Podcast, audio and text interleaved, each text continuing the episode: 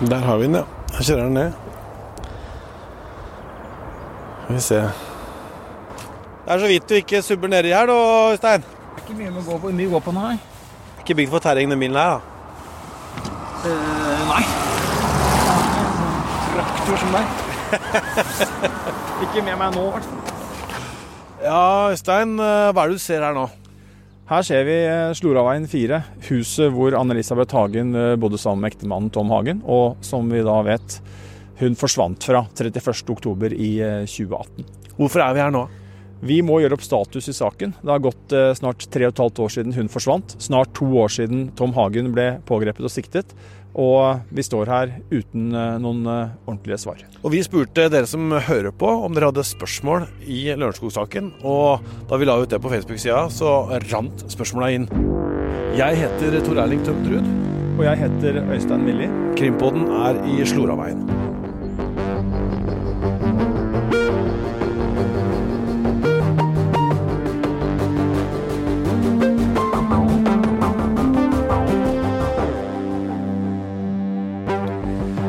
Oktober 2018. Det nærmer seg altså tre og et halvt eh, år siden Anne-Elisabeth Hagen forsvant herfra.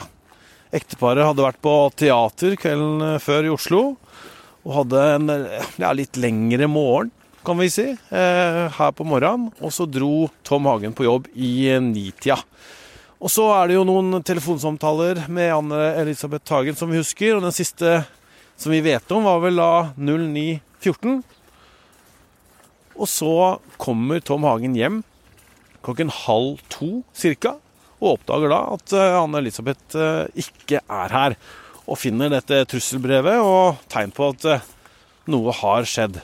Og vi får jo hele tiden innspill og spørsmål fra dere eh, om det har kommet noe nytt i Lørenskog-saken. Eh, og særlig nå som vi henvendte oss til dere på, på Facebook-sida vår. Eh, så derfor så skal vi da svare på spørsmål i denne podkasten. Og vi kan vel ikke love at det kommer så veldig mye nytt. Men for de som har fulgt denne saken, er veldig nøye. Men de som ikke har det, eller er nye lyttere, får jo vite en del, da. Ja, vi må ta og gjøre opp en status. Eh, Som du sier, Tom Erling, det har gått eh, lang tid både siden eh, pågripelsen, og det har gått enda lengre tid siden hun forsvant. Og politiet jobber på. Er optimistiske, har mange på saken, og det sier oss jo at muligheten for løsning ligger der. Men eh, samtidig så går jo, så går jo tida, eh, og eh, snart er det sommer. Dessverre så er det da snart en høst, og da er det jo fire år siden hun forsvant. Vi har spurt eh, politiet da om eh, de har lyst til å kommentere og være med i en samtale og hvor vi stiller spørsmål. Det har de takka nei til eh, nå. Eh, men sånn er, sånn er det vel. Eh, får, nå, står vi, nå står vi rett nedafor huset. Eh, Vi ser opp, det er en, eh, en mur, og over den muren så er det et gjerde. Det gjerdet er laga av såkalte bakon. Ja, dette er jo da eh, kløyvde bord, øh, sånn at du har en flat side som er skrudd fast i stenderverket.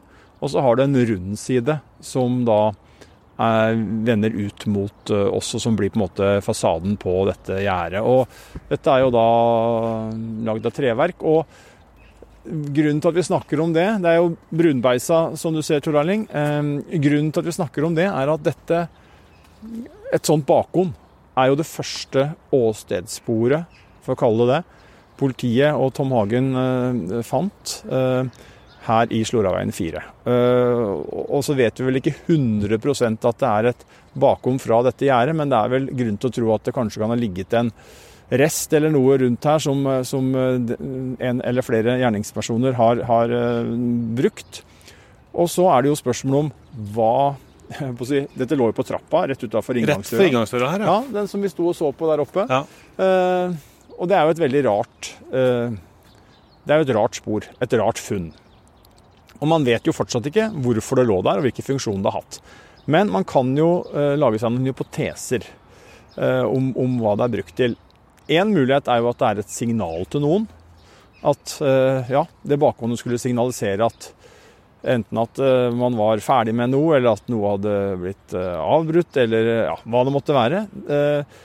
En annen hypotese er jo at det bakgående er brukt til å hindre at døra, dersom den har en smekklås, det vet vi ikke, men at den skulle gå i lås på et eller annet tidspunkt. Og så kan det jo også selvfølgelig være en eller annen forklaring, uten at eh, vi kan hoste opp så mange hypoteser rundt det, som gjør at det er litt tilfeldig at det ligger der. Men den siste varianten tror jeg er ganske lite sannsynlig. Jeg tror jo at dette bakhåndet lå der av en grunn. Eh, men det er jo da, som jeg sa, det første åstedssporet, og vel det eneste som er kjent, i hvert fall, som er funnet utvendig. Vi, går litt videre her, for at vi skal tilbake til bilen. Men her på andre sida av huset, kan du si, som går ned mot uh, Langvannet Nå ser vi jo Langvannet over, over, toppen her. Her er det jo da noen blurry overvåkningsbilder som viser en, en bil, eller kanskje noe lys av en bil, som, som er her i dette området på morgenen. Stemmer. Eh, og Hvis du ser over vannet der, bort til det bygget som ligger der, så er det bl.a. En, en videregående skole som ligger den uh, grå, store bygget der. Og så har du en uh, rødt bygg i forkant, hvor du har en hjelpemiddelsentral. Og begge de plassene her så er det overvåkingskameraer. Og da uh, ser du hvor langt det er over vannet der, Tor Erling, og det er jo Skal vi anslå det til? 300-400 meter. Ja, ja. og det sier seg sjøl at de bildene som da er beregna på å fotografere personer som er i nærheten av den mm. skolen der, de blir ikke veldig bra på det holdet vi er nå. Men som du sier, jeg har sett dårlige bilder av det politiet har fastslått trolig er en bil. Eh, og det er jo to tidspunkt det er en bil som kjører her. og du ser jo denne, Dette er jo en gangvei, men dette er jo heller dette er en gangvei i den forstand at det også kan være en bilvei. Dette er jo en grusvei som er mer enn god nok til å kjøre bil på. Men, eh, men eh, det er jo ikke lov å gjøre det. Det er jo en ser jo en stein der nede som En slags bom der nede? Ja, du ser at den er ikke der nå, for her brøyter man jo på vinteren. Ja. Uh, og det, Da fanga det kameraet opp, denne kameraene fanga opp en bil som kjørte opp her. Og Så er jo spørsmålet om den kan knyttes til handlingen. Politiet har etterlyst uh, bilen og, og, føreren. Ingen har meldt seg. Uh, og så kan man ikke trekke noen konklusjon ut av det. Men spørsmålet er om den bilen, eller en av de bilene, det er jo da jeg tror det er fem over åtte og fem over ni ca., at disse bilene eh, er fanga opp. Eh, og spørsmålet er om én eller begge da har en rolle i eh, forsvinningen. Et av de spørsmålene som vi har fått, fått inn, er jo dette vannet her, som det nå er is på. har politiet saumfart det vannet godt nok? Ja, det er jo alltid et spørsmål om det, om det er godt nok. Uh, og, og, om man er sikker på å finne noe. Jeg uh, kan jo nevne, bare for, som et eksempel, at uh, for en del år siden, mange år siden så var det en sak som verserte her på Rom Romerike som het Grande-saken. og Der var det en mann som døde. og Han ble dumpa i Øyeren, var det et av, en, av, en som forklarte og tilsto å ha gjort. Og Han påviste også stedet hvor han mente, altså omtrent, da, hvor dumpingen skulle skjedd. Politiet lette med dykkere, undervannskameraer og ja, fant ikke noe lik. Eh, og Det sier litt om at det kan være vanskelig å gjøre funn selv om du får påvist eh, hvor det skal ligge en person. Her har jo politiet lett litt på måfå, eller på måfå. Men det er jo også et mye mye mindre vann da enn Øyeren. Klart, helt klart. Men om ja, Jeg vil jo si at det er lite sannsynlig at, at man har valgt å skjule Eh, et lik her. Eh, du ser jo nå det går et gangvei rundt, eh, rundt vannet. Du ser jo trafikken på andre sida opp mot rådhuset og skolen, som vi snakka om. Det er folk ute og går. Det er folk som ser inn på dette vannet fra alle kanter. Hvis du ser på høyre der, så er det vel en barnehage som er på tur, eller en mm. skoleklasse. Masse mm. folk. Mm. Det er friluftsområde, det er brygger, det er baderinger, eller redningsringer, eller hva heter det? Ja. Eh, så, så dette er veldig veldig beferda område. så Sikker kan man ikke være på at hun ikke er her, men, men, jeg tror det er lite sannsynlig og at politiet har gjort noen søk. Og jeg tror også konklusjonen til politiet er at sannsynligvis så er, er ikke svaret her. Ok. Det er fortsatt uh, kaldt, selv om det begynner å bli vår. Da sitter vi her. Vi har snakka om bakhodet, vi har snakka om denne bilen som politiet har sett. Eh, hva slags andre spor er det som er viktigst, syns du? kan deles inn i flere kategorier, og En av dem er jo eh, konkrete spor etter en gjerningsperson. etter handlingen. Og det er jo da for å begynne med disse Sprox-avtrykkene. Det er jo sånn at politiet har sikra fotavtrykk inne i Slåraveien 4, som de er helt sikre på kommer fra en gjerningsperson. Det er fordi at de vet at det er, de er, det er biologiske spor som dokumenterer at de er avsatt under eller etter at Anne-Elisabeth Hagen ble utsatt for en kriminell handling. Eh, og disse skoavtrykkene, fotoavtrykkene, har jo politiet fått identifisert, analysert og blitt identifisert til å være da Sprox eh, trolig størrelse 45. Så det er jo et sentralt spor. Eh, er det mulig å finne en person som har kjøpt et par Sprox-sko, og som kan knyttes til Sloraveien 4? Det er et stort prosjekt som politiet jobber med. Og som ikke er konkludert, så, så langt vi vet. Og så er det jo funnet strips, som man også antar er etter en gjerningsperson. Eh, eller gjerningspersoner. Sånne plastikkstrips også, som du kan ja, binde folk med? og sånt? Ja, Ikke noen veldig lang, stor strips, tror jeg, men, eh, men, eh, men en, en, strips som du kan bruke f.eks. til det. det for å avslutte språksporet, så vet jo politiet at det er kjøp og sparekjøp Sparkjøp. Det ligger jo en forretning like her borte, og de har jo forretninger mange steder i Norge. Så er det jo denne, denne stripsen. Den er kjøpt på Ehm, på biltema. Eh, og politiet har jo selvfølgelig også et stort arbeid pågående for å se om man kan identifisere en kjøper og koble kjøperen opp mot det som skjedde i Sloraveien 4. Så nevnte de jo brevet, Tor Erling, og Tom Hagen sier at han fant eh, et, et brev eh, i en konvolutt som lå på en, en, rød stol inne i Sloraveien 4. Og både konvolutten og brevarkene er jo da, etter politiets oppfatning, solgt på Claes Olsson. Så dette er jo helt åpenbart, eh, sånn som politiet ser det, spor som knytter seg til en eller flere gjerningspersoner. Så det er liksom den ene kategorien. Og så er det jo det vi kan kalle handlingsrelaterte spor. Og der er det funnet biologiske spor. Uh, særlig i området rundt hallen og et lite toalett nede. det er Jeg vil kalle det ja, jeg vil si det er veldig mystiske spor. fordi at på den ene siden så er det gjort åpenbart forsøk på å vaske, tørke bort noen av sporene. Og på en annen måte så er det eh, etter min oppfatning eh, gjort eh, Om det er gjort forsøk, så er de veldig dårlige på å vaske og rengjøre andre steder. Så det er et, litt, det er et mystisk spor. Og så er det jo funnet noen blodspor som man ikke vet hva man skal på å si kategoriseres, så vidt vi vet. Eh, så, så det, er jo, det, er jo, en rekke spor i Sloraveien 4. De hadde jo en liten hund?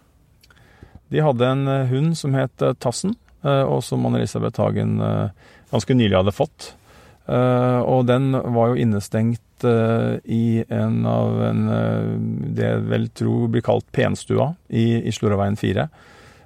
Og så er det sånn at politiet også har funnet hundeavføring, som man, det man tror er hundeavføring, et annet sted i Sloraveien 4. Og hva det forteller, kan man jo spørre seg om, men det er, noe, det er noe der. Og man forsøker jo selvfølgelig å se alle disse ulike sporene i en sammenheng, eh, og, se om man kan lese et hendelsesforløp ut av, av, av sporene. Men i sum så vil jeg si at eh, ut fra det jeg vet om åstedet, så er det et, eh, et eh, litt forvirrende åsted med en del spor. Men det er vanskelig, syns jeg, å danne seg noen sikker oppfatning eller hypotese om, om, hva som mest sannsynlig har skjedd. Vi vet også at det ligger igjen Eller det ligger i hvert fall klær og et håndkle inne på et bad som tilhører Anne-Elisabeth Hagen, og som man også må ta i betraktning og vurdere og se hva slags eh, betydning og hvilken si, rolle disse, disse, klærne har i, i, hele, i hele, bildet. Da. Så, De gifteringen om igjen nå? Gifteringen ligger også igjen. og, og hva betyr det? Og andre personlige eiendeler ligger igjen. Og i, i sum så, så, er det jo sånn at politiet gjør seg ulike si, hypoteser. Altså alt fra ble hun drept? Var det en bortføring som eventuelt gikk galt? Eh, hvor i huset ble hun angrepet? Eh, på hvilken måte? Eh, er det vært én eller flere gjerningspersoner? Um, uh, har, har, det vært uh, sånn at handlingen har funnet sted i én etasje, eller har det skjedd noe i to etasjer? Uh, alt dette er jo helt sentrale spørsmål. Hvorfor tar det så lang tid? Ja, det er jo et godt spørsmål, og det er jo ingen som ønsker at det skal ta lang tid. Men jeg tror utgangspunktet da, og det har vi ikke snakka om enda, men det, det, kan vi jo snakke om etter hvert, det er jo hva f.eks. da kryptosporet viser. og det viser jo bl.a. at den eller de som står bak det her, har lagt veldig mye krefter i å ikke bli tatt. Det er en planlegging som er ekstremt Eh, nøye, grundig gjennomført. Uh, man har eh, For det første så vet vi jo da at man har ikke lagt igjen noen som, som det ser ut i hvert fall, ingen, ingen fellende direkte spor i Sloraveien. Man er ikke sett av noen. Uh, altså, man kan ikke plassere verken biler eller personer i Sloraveien 4 den dagen den forsvinner. Det er jo det ene. Og det andre er jo at når man da ser på det man enda bedre kan analysere uh, og se på en måte gjerningspersonenes uh, operasjonssikkerhet, på, vurdere den operasjonssikkerheten på, det er jo dette med kryptosporet. Og der er det jo ikke noe tvil om at det er brukt en rekke forskjellige ingredienser, og at alle de stegene man har tatt, eh, framstår veldig veloverveid, og at det har vært en stor, stor, eh, stort mål å være fullstendig anonym. Det er stjålne pass. Det er krypt, kryptovaluta, som jo skal være vanskelig å, å spore. Man, man har brukt forskjellige vekslingsbørser. Øh, og, og oppretta Har brukt en falsk ID. Altså det er, det er veldig mange ting som tyder på at dette er øh, ekstremt nøye planlagt. Greia i, i dette trusselbrevet som ble funnet, så var det jo da noen koder. ikke sant? Du skulle betale inn øh, noe bitcoin i en sånn viss kode, så betydde det det, og noe annet det. Og så skulle man da overføre i, i kryptovalutaen Monero. Hvor mye penger var det igjen? Det var jo eh, cirka, altså Monero for ca. 90 millioner norske kroner var jo ja. totale løsepengekravet. Så det, nei, ja, det er riktig. Det er jo... Så har vi hørt at, eh, at, eh, politiet kom inn i saken. Det ble overført noe fra Kripos, altså de satt på Kripos og gjorde det. Det har vi hørt i tidligere episoder. Det er liksom så helt sånn bombesikkert, det der opplegget da. Ja, det ser jo sånn ut. Eh, og så vet vi at politiet jo har jobba voldsomt med kryptosporet i hvert fall det siste året. Eh, det er jo snart ett år nå siden vi blei eh, invitert opp på lensmannskontoret som ligger like bak oss her, hvor, eh, hvor etterforskningsgruppa, i hvert fall deler av den, sitter, og, og fikk en introduksjon i dette kryptosporet fordi politiet ønska å gå ut offentlig og få tips om, om, det. Og det har jo vært flere runder med, med kryptovalutainformasjon som har blitt offentliggjort. Og da sa man jo at nå skulle man kraftsamle ressurser på kryptosporet. Eh, og at man hadde tro på at det eh, kunne lede politiet videre. Og det er litt interessant, fordi at sånn som jeg oppfatter det, så har ikke det vært like uttalt hele veien. At man kryptosporet har vært, har vært hett, da. Jeg oppfatter at det i perioder har vært sett på som litt mer vrient, og at man har tenkt at man skal løse saken via andre spor. Så det tyder jo på at det er progresjon, og at man kanskje har gjort noen gjennombrudd uh, i løpet av disse uh, ja, i hvert fall siste året, eller kanskje drøyt det, da, som gjør at man kommer videre på kryptosporet, og at man klarer å nærme seg noe. Og det har vi jo for så vidt sett òg, ikke sant. Du husker jo han uh, Ole Henrik Golf, som jo sto fram og, og hadde fått frastjålet identiteten sin. Så det har, jo, det har jo politiet funnet ut, og de har også funnet ut en del ting om hvordan han er misbrukt. og det er jo et steg på den veien å nøste seg videre. Ja, de har jo da funnet ut at eh, det er jo kopi, vel, av passet hans da, som, som ble brukt på det mørke nettet. Ble solgt på det mørke nettet, og det ble oppretta e-postadresser i hans navn, og det ble brukt til å lage kontoer på disse eh, børsene for kryptovaluta. Og han eh, Ole Henrik Golf sto jo fram i VG. Veit vi om det har ført til noe? Det kom mange tips, eh, og så har ikke vi eh, noe innsyn i hvor gode de tipsene er, og hva som har skjedd videre med dem, og, og resultatene der. Men, men, det er klart at det Politiet er jo ute etter å få mest mulig informasjon, og det, og det var helt tydelig at man var fornøyd med responsen.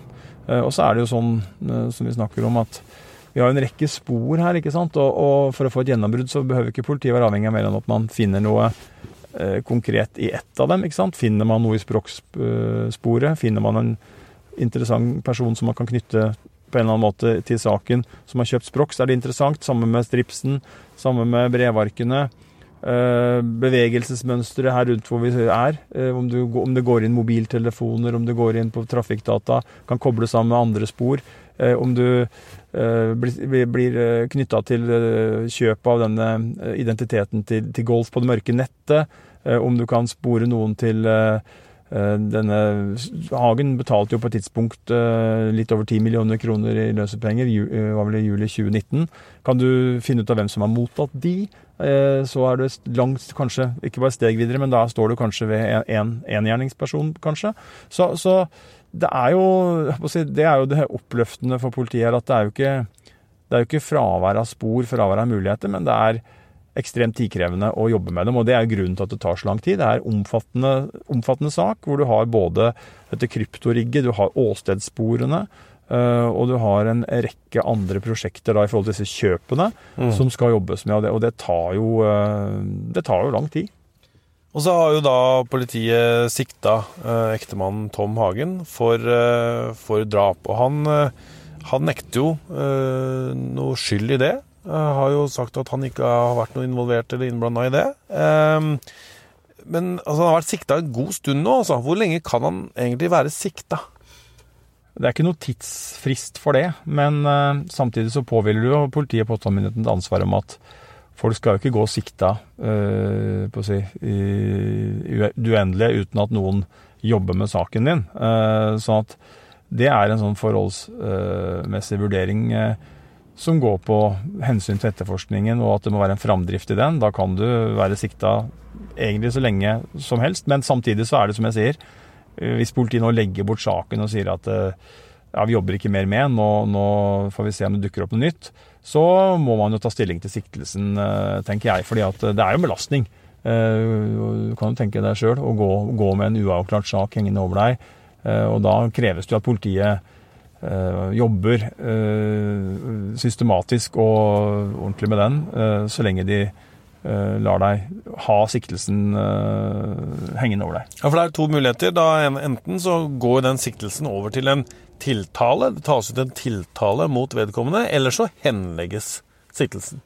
Ja, det er, eh, det er riktig. Og det, jo, det spørsmålet må man jo ta stilling til. Og det er klart, klokka tikker og går for politiet. Det er det ikke noen tvil om. Man, man eh, Selv om man har mange arbeidsoppgaver og man jobber med relevante spor, så er det jo ikke sånn at man kan ikke holde på i en evighet med denne saken.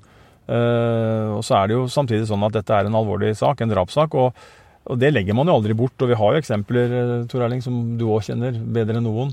Saker som har, har blitt lagt bort i perioder, men tatt fram igjen. Og så finner man nye spor. Og så har man jo løst faktisk en del gamle saker eh, lenge lenge etter at det har skjedd. Men, men da har ikke de personene som har vært involvert, hatt status som sikta? Nei, det har de ikke. Og man har også da lagt bort saken i påvente at man skal ha noen nye metoder, kanskje. ikke sant? DNA-teknologi, eller at man skal finne noen helt nye spor. Man kan, ikke, man kan liksom ikke holde på i det uendelige og, og gnage på de samme tinga hvis man ser at nå, nå, stopper det opp, liksom. Nå har vi ikke noe mer ja, nå, nå går det ikke framover. Vi har ikke noe tro på at det skal gå framover. Da må man jo vurdere ressursene. Og det, og det gjør man helt garantert. Det sitter folk i politiet eh, på ledernivå og eh, vet at de har mange oppgaver som skulle vært løst. Og selvfølgelig, så lenge man bruker mye ressurser på Lørenskog-saken, så tar jo det av noe annet. Og dette er jo de vurderingene man hele tida gjør. Og så er det mange som spør om, og lurer på òg, hvis det blir sånn da at Tom Hagens sak henlegges, at politiet ikke finner bevis eller mener at han ikke er involvert, får han da noen form for erstatning? Ja, da får han erstatning. For det, han har jo eh, vært sikta, det er det ene. Og han har jo også sittet i varetekt, det er det andre. Og det, det får man erstatning for. Eh, og det er jo da en eh, erstatning som som uh, si, utbetales når denne saken er avslutta eventuelt, og, og, som da, det alternativet som du nevnte, at det da blir en henleggelse. Vi nevnte at politiet eh, sa nei til å, å bli intervjua av oss akkurat nå, bare om status av saken. Men vi har jo også sagt at de har på en måte invitert oss også ved anledninger. Hva er det som skal til for at politiet snakker om, om saken? Nei, jeg opplever at politiet eh, snakker om saken eh, selvfølgelig først og fremst når man har noe å melde, at man har noe å gå ut med. Så, så, så er jo politiet ute og, og, presenterer det. Senest da var det jo en runde rundt etterlysning på dette, dette passet til uh, Ole Henrik Golf, så det stjålne passet hans. Mm. Uh, han er jo, bare så vi understreker det, helt ute av saken, helt uskyldig, da. Bare så alle, alle er helt sikre på det. Uh, så, så, da er man ute, og så tror jeg var jo politiet og ga intervjuer når det var tre år siden hun forsvant, men jeg tror vel man ikke ser seg tjent med å bruke tid og, og på en måte ta imot sånne som oss. og sitte og måtte svare på ting, få spørsmål som man egentlig ikke verken noe kan man nok svare på, men har ikke lyst til å svare på. Eh, det er mye politiet, tror jeg, da, sitter og vet, som de eh, ikke ønsker at vi skal vite. Og da ser de ikke det hensikt i å ja, sitte og måtte svare ingen kommentar, og det kan jeg ikke si noe om og sånn. Ja, For det er jo ikke sånn at, selv om jeg skulle ønske det var sånn, at de har en slags plikt til å svare oss når vi har har spørsmål. Men det er jo klart at de har jo en, en, en, et ansvar for å få informere publikum da, om hva som skjer. Ja, og det ivaretas jo. Eh, og det er klart at eh, det er jo ikke, noe, det er ikke den første etterforskningen hvor man ikke, ikke hører noe mens, mens, den pågår. Eh, det var ikke mye som kom frem, for så vidt. Vi vet jo, kjenner jo begge Eirik Jensen-saken, Bertheussen-saken. Det var jo etterforskninger som tok lang tid, og som var ganske møysommelige. Men hvor man jo ikke fikk noen sånn fortløpende vurdering og, og, av hva som skjedde, og, man, og, hvor man sto, og hvordan det gikk. Så det er på en måte en del av eh, Ja, det er en del av eh, eh, systemet, på en måte. Politiet er jo veldig avhengig av å beskytte etterforskning, beskytte sporene. De, og det er jo i seg sjøl en, en grunn til at man i noen sammenhenger forholder seg ganske så taus. Hvordan er eh, samarbeidet mellom eh, Tom Hagen og politiet nå?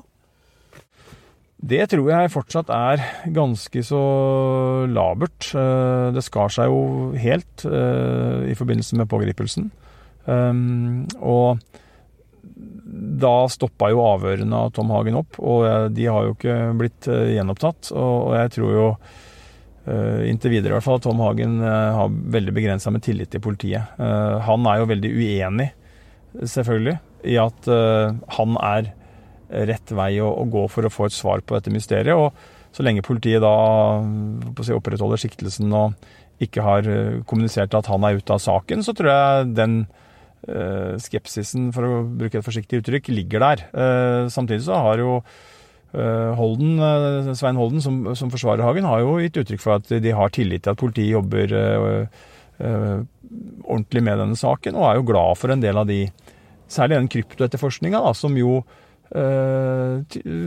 man ikke er retta mot noen, som er en åpen etterforskning. Man jakter på spor og jakter på gjerningsmenn uten at det går i retning av På det nåværende tidspunkt så går det ikke i retning av noen, som vi vet i hvert fall. Og det er jo det Hagen og Holden mener og håper skal skje. At politiet liksom ikke borer mer i det rundt hagen, da, men ser også på de, eller først og fremst ser på de sporene som, som uh, ikke handler om han. Mm. Og så er det én ting som, som, kommer opp uh, hver gang vi snakker med folk om uh, denne, denne, saken, og når vi spør om, om folk har innspill eller spørsmål og sånne ting òg, så, så, kommer det opp det, dette her, som vi også har hatt i Krimpodden også. Denne røde bilen. Det var én eller to vitner som hevder at de har sett en rød bil, en eh, ganske spesifikt merke også, BMW X3, i Ås, mm. som ligger eh, vel en halvannen time herfra. Mm. Eh, den dagen hun forsvant, altså 31. oktober 2018. Eh, disse kvinnene de hevder å ha sett en kvinne i baksetet i denne bilen. Og hun ene har jo sagt til Åsted Norge bl.a. at hun har tolka at denne kvinnen har vært bindet fast, og at hun har eh, bevega leppene sine på en måte som kanskje hun har sagt 'hjelp meg'. Mm. Eh, dette er eh, vitner som har vært avhørt av politiet. Eh, og andre sier vel også at hun mener at sjåføren eller noen i forsetet hadde på seg en slags mas maske. da. Ikke sant? Ja, en, en kidnappingssituasjon, da. Det er det vi kan se, se for oss at disse kvinnene eh, er vitne for. Mens politiet sier De sier at sånn som det står nå, så har ikke politiet avdekka opplysninger som kan bidra til å verifisere disse observasjonene, eller knytte disse til den straffbare handlingen Anne Elisabeth Hagen ble utsatt for. Det har de sagt til, eh, til VG. Mm. Og, og, de, og, de, sier at etter en helhetsvurdering da, så jobbes det ikke aktivt med dette sporet per nå. Hva, hva betyr det? Hvorfor gjør de ikke det?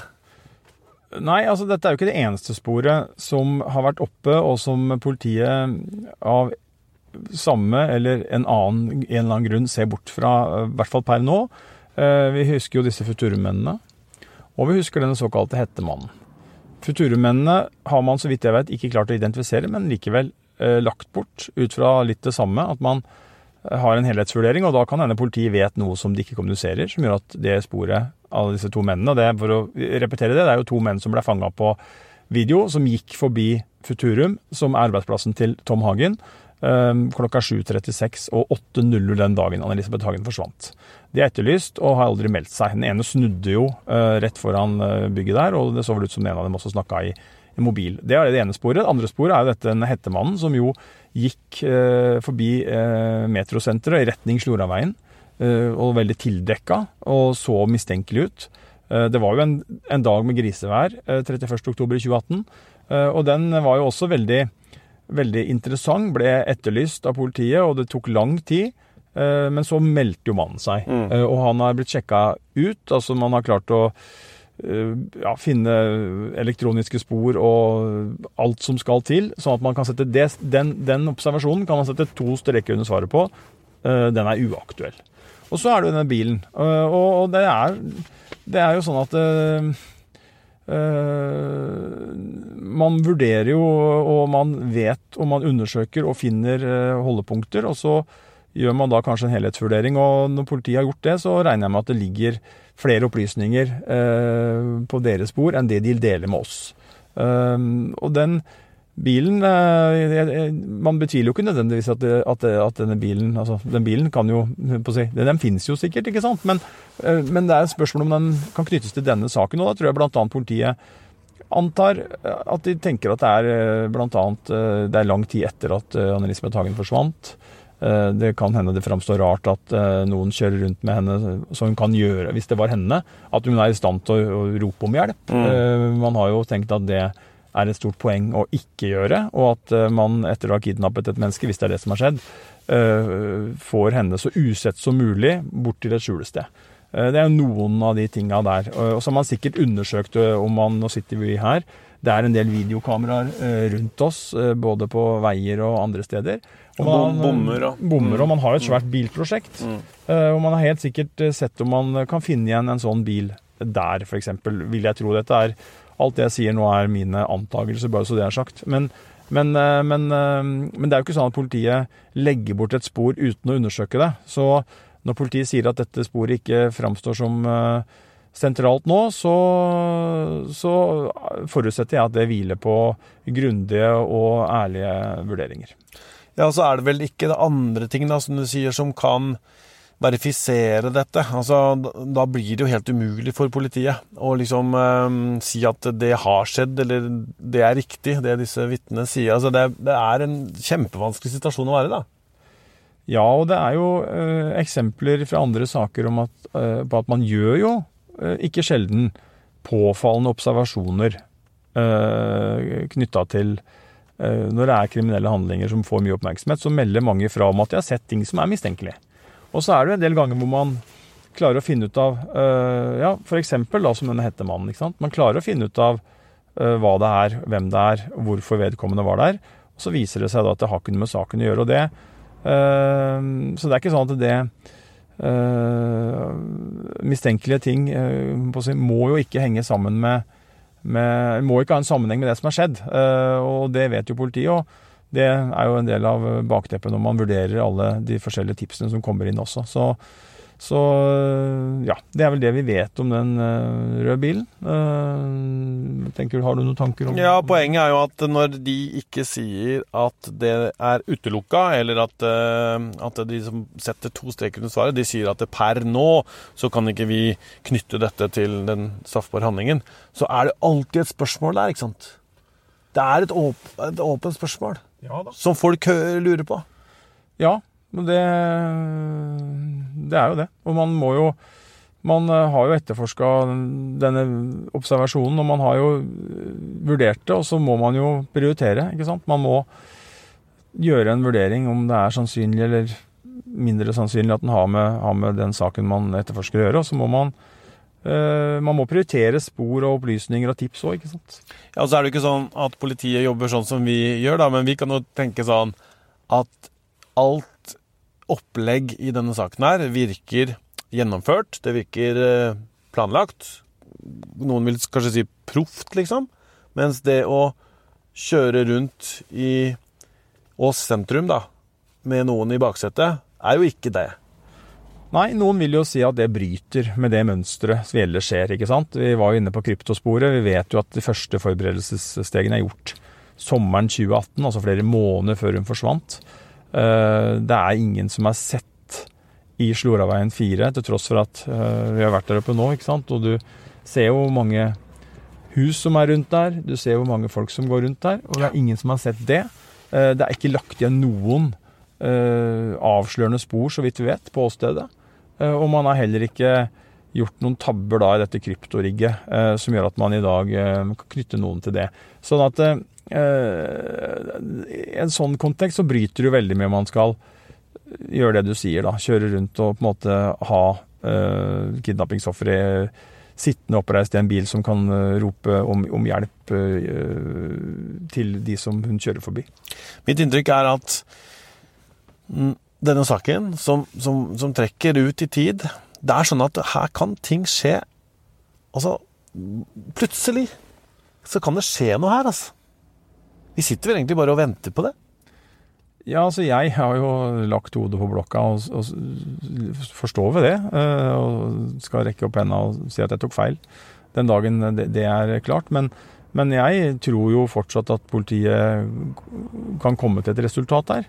Um, Jeg syns det er eh, jeg, jeg, jeg kan ikke Jeg kommer ikke fra at jeg tenker at når det er så store ressurser som jobber med denne saken her, når vi nærmer oss eh, liksom fire år snart jeg kan ikke begripe annet enn at da har man noe veldig håndfast, noe veldig eh, gode spor, da, som gjør at man er veldig optimistisk. Hvis ikke så tror jeg man hadde trappa ned og eh, ja, lagt saken litt til side, i hvert fall, i hvert fall en periode, og heller sett om det dukka opp ting som gjorde at man kunne ta den opp igjen, som vi vet fra andre saker. Men, eh, men jeg er jo enig i at eh, at eh, ja, Som jeg sa, klokka tikker jo, så det må jo Skal man få et gjennombrudd, så, så, det, så må det anførselstegn kanskje snart komme, da.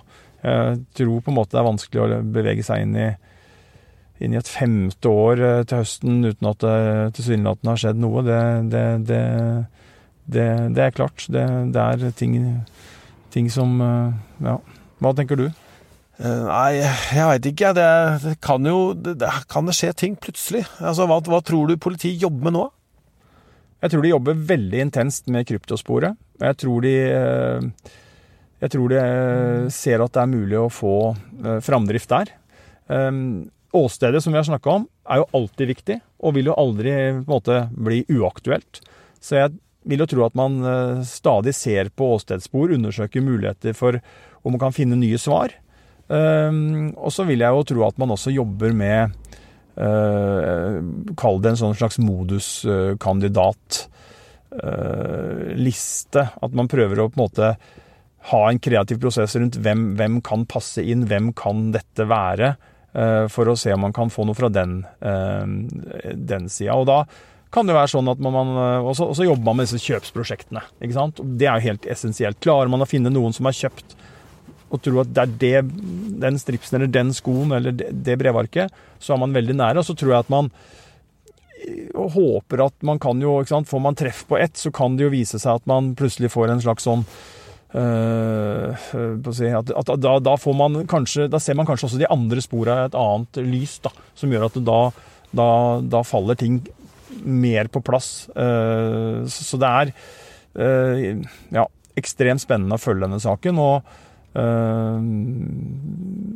vi må jo bare holde fast ved Tor at, at vi håper jo, som alle andre, at denne blir løst. Krimpodden er jo en del av eh, VGs løpende krimdekning, så vi kommer jo tilbake selvfølgelig hvis det skjer ting. Denne episoden var mer en oppsummering og en status for hvor vi står nå. Eh, særlig for dere nye lyttere som ikke har fulgt oss eh, hele veien. Eh, vi er tilbake neste uke vi med en uh, ny episode, og da er vi vel kanskje ute av denne bilen? Da er vi et helt annet sted. Ja.